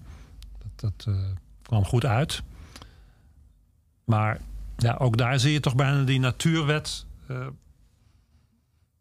dat dingen veranderen en misschien wel minder worden. En, en ik, ik weet heel goed dat er eh, onder Bowie-liefhebbers ook best veel waardering is voor, voor latere albums tot, tot op het laatst. Zeker, Ik Black zelf-. En, eh, ja, ik heb daar zelf meer moeite mee. Maar goed, dat, dat, dat, dan, dan, dan kom je weer een beetje op het gebied van, van persoonlijke smaak. En het is in ieder geval heel anders, zeg maar. En het is niet, ja, het is niet, het is een ander soort muziek geworden intussen. Zeker, ja. En daar is- moet je dan ook van houden. dat vinden mensen natuurlijk ook zijn kracht. Dat die ja, muziek dat altijd waar. van... Dat is waar. Hoe doe je dat live? Want als jij eh, bij veel artiesten vindt dat er vanaf een bepaald punt, zeg maar, even, laten we zeggen, na een album of vier, vijf, eh, het hoogtepunt wel bereikt is, eh, blijf, je ze, blijf je ze dan en blijf jij ze dan live zien? Of kijk je van tevoren, oké, concentreer ze zich live dan ook op dat werk? Of neem je op een gegeven moment gewoon afscheid, ook al, ook al speelt een artiest nog, denk ik, ik heb ze toen gezien, dat is wel goed. Hoe, eh, hoe gaat dat bij jou als live bezoeker? Ik ben geen. eh, ik, ik ben niet echt een hele eh, actieve live bezoeker geweest door, door de decennia heen. Dat. ik, Hoeft het voor jou niet per se, als je een plaat hoorde, hoef je het niet per se live ook te zien. ja, en de, de live optredens waren ook niet altijd even goed. Hè. Ik herinner mij de Rolling Stones in Zuiderpark 1976. Ja, oké. dat, viel toch echt niet veel, eh, veel van te horen wat ze deden. En zo goed was dat niet. En dat in 1998 in de Amsterdam Arena viel dat eigenlijk ook nog een beetje tegen. Vooral ook omdat het publiek toen voortdurend zat te luisteren naar eh, Nederland... eh, Argentinië, geloof ik, wat diezelfde avond werd gespeeld. Maar dat is Hoe? deze. Te luisteren, hoe dan? Als Op de radio enzovoort. En toen, Serieus? Tijdens ja, het concert? gegeven- Op een gegeven moment, dat was echt ongelooflijk toen. Het was, het was een EK of een, het was een WK. Ik geloof Nederland-Argentinië, maar daar wil ik van af zijn. Ehm, op een gegeven moment begon het publiek enorm te juichen. Want die hadden allemaal een transistorradiootje. En Kies, die, eh, wist, nou, die, die, die stopte met spelen. En, en vroeg eigenlijk, wat is er aan de hand, mensen? Wat, dat, dat was een heel bizar moment. Dat, eh, maar goed, ik heb Want eh, ja, ja, voetbal wint altijd, schijnt. Maar ook nog zelfs tijdens een Stones Ja. van de Stones zelf. Ja, het was een, een bizar moment. Ja. Later heb ik ze nog gezien in 2006, geloof ik. Eh, toen was de akoestiek in de arena een stuk beter geworden. En Pinkpop 2014 was jij vast ook bij. Ja, was heel goed. Vond heel erg leuk. Ja. Het, eh, tenminste, de Rolling Stones vond, vond ik heel erg Heel leuk. leuk, ja. Dus, eh, ik weet, heb je ook Metallica de volgende dag gezien? Dat, met, niet door de bliksem getroffen. Dat, Dat was ook een heel Ja. bijzonder moment waarop onze co- King-collega Erik Corton mensen moest manen om allemaal te gaan zitten op de grond, omdat de bliksem toe zat. Maar ik vond ook wel heel ontroerend dat Metallica-fans, eh, trouw als ze zijn, zelfs niet door ja, een soort onweer dat uit een nummer van Metallica lijkt te zijn gekomen, met allerlei blikseminslagen, eh, zich laat verhouden om gewoon te blijven staan. Ze Ja. bleven gewoon staan, eigenlijk zou je Ja. kunnen zeggen, met gevaar voor eigen leven, Ja. want ze wilden Metallica zien. Punt. ik vond het heel terecht dat jullie vanochtend nog Enter Sandman hebben gespeeld. Dat, Ja. eh, dat doet me ook wel weer goed. Maar om even terug te komen op, dat, op die live, Live, ja. Concerten. Ehm, ik heb er niet veel gezien. De beste herinneringen heb ik, eh, dat is al ontzettend lang geleden, aan eh, ik, eh, de Hoe in het Concertgebouw in Amsterdam. Dat was wel een bijzondere tijd. Eh, Ja, alleen al de niet- combinatie die je nu, nu niet- van de nu band niet- en locatie. ja, nu niet goed eh, voorstelbaar Nee. meer. Maar niet alleen de Hoe hebben daar twee keer gespeeld. Waar ik, eh, alle keer aanwezig was. Maar ook de Grateful Dead en, en de Doors. Jefferson Airplanes, de Eagles, de Beach Boys, allemaal. Dat kon toen nog in het concertgebouw met een geweldige akoestiek. En dat vind ik wel jammer dat dat, dat, dat verdwenen is. Ehm, Ja, maar ja, hoe zou je dat nu voor je zien? Wat zou zo'n kaartje kosten? ja, goede vraag. Ja, Maar jammer is het wel. ja zeker. Ja, absoluut. Maar We hebben, nu een paar keer, we hebben heel veel artiesten besproken, maar een term die, eh, of een woord dat een paar keer is gevallen is eh, deze mannen. Mannen, mannen. Hebben natuurlijk in het begin gehad over rock and roll en over eh, wat, wat, er door de geschiedenis van rock eh, doorheen ademt als het gaat om eh, thema's die te maken hebben met zwart en wit. Maar als je het hebt over het thema van seksen, is rock bijna ontegenzeggelijk een mannengenre. Nou, het is leuk dat je dat, dat, je dat onderwerp naar voren brengt. Want ik was oorspronkelijk van plan om nog een hoofdstuk aan mijn boek Rock toe te voegen over mannen en vrouwen. En vooral vrouwen, of eh, wel of geen vrouwen, in de, in de rockmuziek. Dat is er niet van gekomen door een aantal redenen. Tijdgebrek en. en eh, maar misschien dat ik het nog een keer apart eh, doe. Of in een, als ooit nog eens een nieuwe editie komt, dat ik dat eraan toevoeg. Maar ja, je kunt zeggen dat ja, rock, rock is een mannenbusiness. Er zijn natuurlijk uitzonderingen op. Maar is- het zijn er niet zoveel. Hè? Ik bedoel, we kennen ze allemaal. Janis Joplin. Fleetwood Mac. Alweer eh, wat later. Hart is natuurlijk nou ja, een bekende, bekende band. En eh, Blondie. En er zijn nog wel wat meer. Maar ja, veel, heel veel zijn het er niet. En dan is natuurlijk de vraag... eh, hoe komt dat? Ja, net de vraag die ik aan jou wilde stellen. Dat weet ik niet. Ja, de vraag is natuurlijk ook of het er- erg is en of dat niet gewoon... Of het erg is, dat, ik, ik denk niet dat het erg is, eerlijk gezegd. Het, het is gewoon wat het is, rockmuziek. Het is gewoon, ja, daar ga ik weer, maar de beste muziek van de 20e eeuw. Die is toevallig gem- gemaakt door mannen. En toevallig ook genaamd door witte mannen, eh, bijna exclusief. Maar dat mag geen disqualificatie zijn. Dat, dat, soms lopen dingen zo en dan is het zo.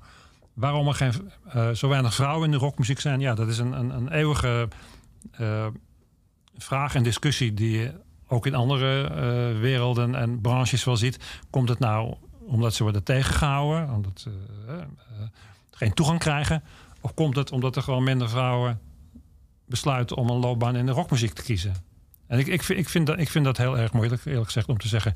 Ik denk wel dat uiteindelijk ehm, rockmuziek voldoende een meritocratie is, wat, wat ik, eh, waar we het eerder Mhm. over hebben gehad, waarin je echt een succes eh, komt op basis van wat je presteert en niet op basis van wie je kent of hoe je eruit ziet, eh, dat, soort, dat soort dingen. Maar het gaat erom wat je kunt, wat je presteert. in dit geval dus wat er, ja, gewoon feitelijk wat er, wat, je, wat er te horen valt en hoe goed dat is. Dat echte talenten toch wel doorbreken. En dat zie je natuurlijk ook later. Later zijn er natuurlijk veel meer vrouwelijke eh, grote namen gekomen. En ja, komt dat nou omdat de muziekwereld zich meer daarvoor openstelde? Of komt dat omdat er gewoon meer getalenteerde vrouwen kozen voor een loopbaan in de, in de, in de muziekbusiness? voor In de rockmuziek, maar ook natuurlijk andere soorten muziek.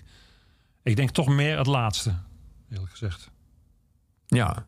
Ja, het is, nou, het is een feit. Het is, blijft natuurlijk een fascinerend gegeven. Als je naar Nederland naar festivals gaat. Ik bedoel, eh, een rockfestival. eh Pinkpop is natuurlijk ook een, zeg maar, een pop slash rockfestival geworden in de loop der jaren. Maar een, een klassieke rockfestival, dat, dat, is- daar, daar denk ik vooral aan, aan mannen, aan witte mannen. Als ik naar Hoera ga in Tilburg, een hip-hop-festival, zie ik vooral eh hele multiculturele mix van. En op het podium zie ik vooral zwarte mannen. Als Ja. ik naar North Sea Jazz ga of naar een Soul Festival, zie ik meer vrouwen op een podium dan mannen. Dat- dat- dat Ja. muziek is voor een deel natuurlijk ook geordend langs eh seksen en culturen. Ja, dat is waar. Maar in de, ja, in, in, in die jaren, 19, ze- de jaren 60 en de jaren 70 van de, van, van de vorige eeuw lagen dingen toch echt nog anders. Het, het, eh, eh, dat- het gold niet alleen voor de rockmuziek, maar in, in alle mogelijke onderdelen van, van het maatschappelijk leven. was er nog geen ruimte voor vrouwen, maar was er ook geen, eh, laat ik zeggen, wa- eh, waren er ook nog veel minder vrouwen die die ambitie hadden. Ja. Ja. En wat nou precies. Hoe zwaar het een weegt en hoe zwaar het ander weegt, dat vind ik moeilijk, moeilijk te zeggen. Ja, nou goed, je beschrijft in je boek ook, de, de- ook op raciaal gebied de uitsluitingsmechanismen Ja. en de conservatieve en conserverende Aan en de ene zelfrealiserende krachten van, de, van platenmaatschappijen. Ja, aan de ene kant en aan aan de andere kant toch ook eh, dat zwarte muzikanten toen ook zelf voor andere dingen kozen. Ja. Dus, dus je komt er nooit helemaal uit om te zeggen van wat nou de doorslag gaf. Nee. We gaan naar Bob Dylan luisteren, Flip. Eh, We hebben hem een paar keer genoemd, dus eh, we moeten hem ook zeker draaien, vind ik. Je hebt dat cruciale moment in de geschiedenis eh, aangehaald, wat ook in je boek beschreven, waarop hij besloot elektrisch te gaan, tot ontzetting van een deel van zijn publiek. Ehm je liet een beetje doorschemeren dat, en dat is natuurlijk een, een, een, een gevoelig punt onder Dylan-fans. Je hebt sowieso de discussie bij heel veel artiesten van of, eh, zeg maar, of hun latere werk nog relevant is en of ze nu nog steeds goed live zijn. Maar bij Dylan is er zo'n verschil opgetreden in zijn stemgeluid. Dat dat, dat dat snijdt bijna door zijn fans heen. Je hebt mensen die, dat, die daarvan houden van de nieuwe Dylan, of die dat soort van accepteren. Je hebt mensen die gewoon dat niet kunnen aanhoren dat hij oude nummers zingt met zijn nieuwe stem. Waar sta jij ergens in dit spectrum? Ik vind, ik vind het wel een probleem. Ik vind, het- ik vind het lastig om dat te horen. Ik vind het ook een beetje pijnlijk. Ik ben ook niet eh, eh, iemand die nu nog naar, naar, een- naar, naar een Dylan-concert toe zal gaan. Nee, het- En luister je wel naar zijn nieuwe albums? Ik doe het wel, maar ehm, ook niet met heel erg veel enthousiasme. Nee. Dat komt niet alleen door zijn stem, maar toch ook om dat ik denk dat ja, de lyrics zijn misschien interessanter dan ooit. Daar, daar wordt ook heel veel over geschreven en Nou, terecht. Die zelfs een Nobelprijs voor gewonnen. Ja, maar de muzikale kwaliteit als zodanig, de tunes om het zo maar eens te zeggen, eh, dat is vind ik niet meer wat het geweest eh, eh, is. En het nummer wat we nu gaan horen, dat is uit de begintijd, nog voordat hij elektrisch ging. Eh ik geloof uit 1964, ik weet het niet helemaal, helemaal precies uit mijn hoofd. Ehm, ja, dan hoor je nog de oude Dylan. En eh, wat ik ook leuk vind aan dit nummer is, of leuk, in ieder geval interessant. Het is een nummer dat niet wat je noemt een protestsong is. Dylan eh, is heel erg geassocieerd in die tijd als folkzanger, Ja. maatschappelijk geëngageerd. Die, ja, wat toen pro- heette protestsongs zong en schreef. Dat, dat deed hij ook uit volle overtuiging.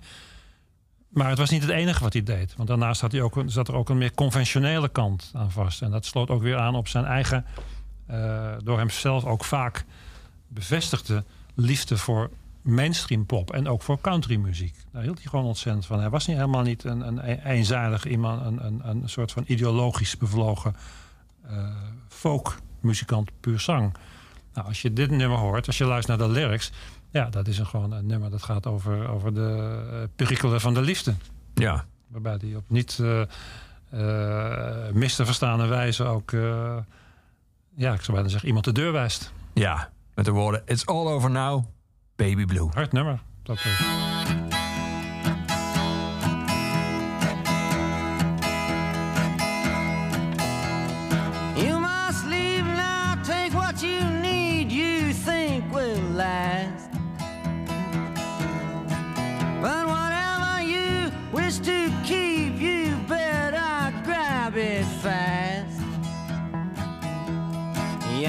understands your orphan with his gun. Crying like a fire in the sun. Look out, the saints are coming through. And it's all over now, baby blue.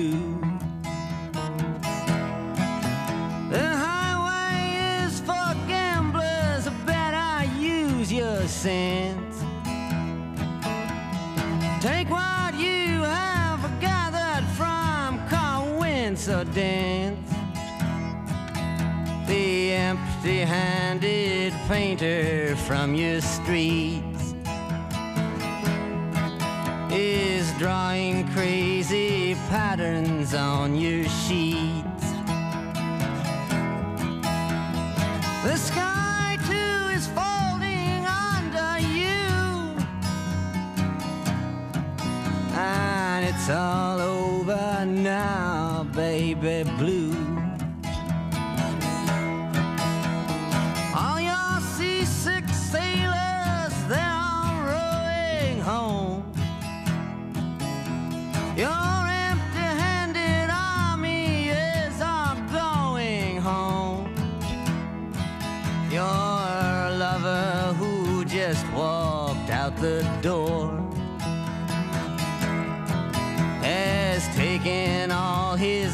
Blankets from the floor. The carpet too is moving under you, and it's all over now, baby blue.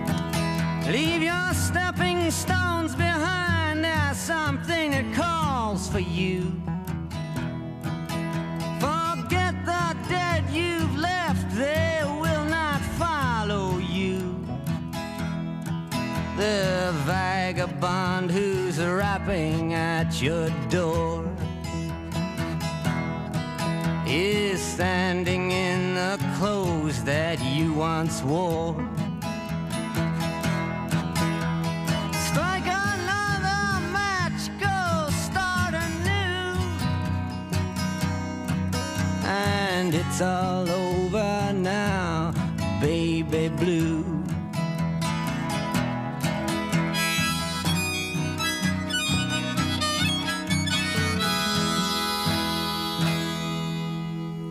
Ja, Flip. De andere kant van Bob Dylan zou ik bijna zeggen. ja, Textueel. ja, zeker. Dat, eh, Kun je nog herinneren hoe dit nummer toen werd onthaald? Of hoe jij dat de eerste keer naar luisterde? Ehm, wat ik me vooral herinner is, is de coverversie door Dem. Die nog wel wat, wat, wat meer eh, rockachtig was. Met Ja. wat meer gi- gitaarwerk. Die, eh, als je, dat had je natuurlijk vaker toen hè, met nummers van Bob Dylan. Dat, ze, dat ze- de covers werden populairder dan, Ja. dan de oorspronkelijke nummers. Uh, Mr. Tambourine Man bijvoorbeeld. En nou, ik kan, nog wel een aantal dingen noemen. Dus ehm, die versie van Dem die staat me eigenlijk Meer bijna nou, toen meer voor de geest. Ja, Uiteindelijk, ja, wat we nu net gehoord hebben, is toch wel heel erg bijzonder. ja. Echt eh, wel eh, tekst, muziek, alles, alles perfect. En eh, ja, zijn stem een beetje nasaal misschien. Maar dat, ja, dat hoorde toen bij hem. Dat is toch beter dan dat gekras van wat we nu horen. Flip, we hebben het over rock. Jouw boek uitgegeven bij Nieuw Amsterdam. Waarom rock de beste muziek van de 20e eeuw is. Ik dacht toen ik het zat te lezen van... Wat zou nou Flips volgende boek worden? Maar toen op een gegeven moment haal je aan dat er steeds meer boeken verschijnen met als onderwerp één specifiek en dan vaak het beste genoemd wordt in de geschiedenis van de klassieke rock, zoals in 1971 of Een jaar, 1965. Haal je ook een paar jaren aan, nog 67, 68, 69, 70, waarop moeiteloos zo'n lijst kan worden gemaakt. Het kon in die tijd gewoon niet op, schrijf je. Zou dat iets voor zijn voor een volgende boek voor jou? Dat je een jaar gaat behandelen? Of is dat niet iets wat jij interessant vindt? Ik denk dat dat, eh, dat, dat eh, grotendeels al wel gedaan is. Ieder jaar wel met als behandeld, denk ik. Nou, Ieder relevant jaar. misschien dat 1969 nog open staat. Ik weet het niet helemaal zeker. Maar ik zie me dat toch niet zo gauw doen. Nee. nee, nee. Ik heb ook niet echt heel concrete plannen voor, voor een volgend boek nu. Dat, eh, dit, dit heeft een paar jaar gekost om dit te schrijven. En eh, ik neem nu voorlopig nog even pauze. Maar dan heb je ook wat. Dan heb je ook wat. Ja. Precies dat. ja.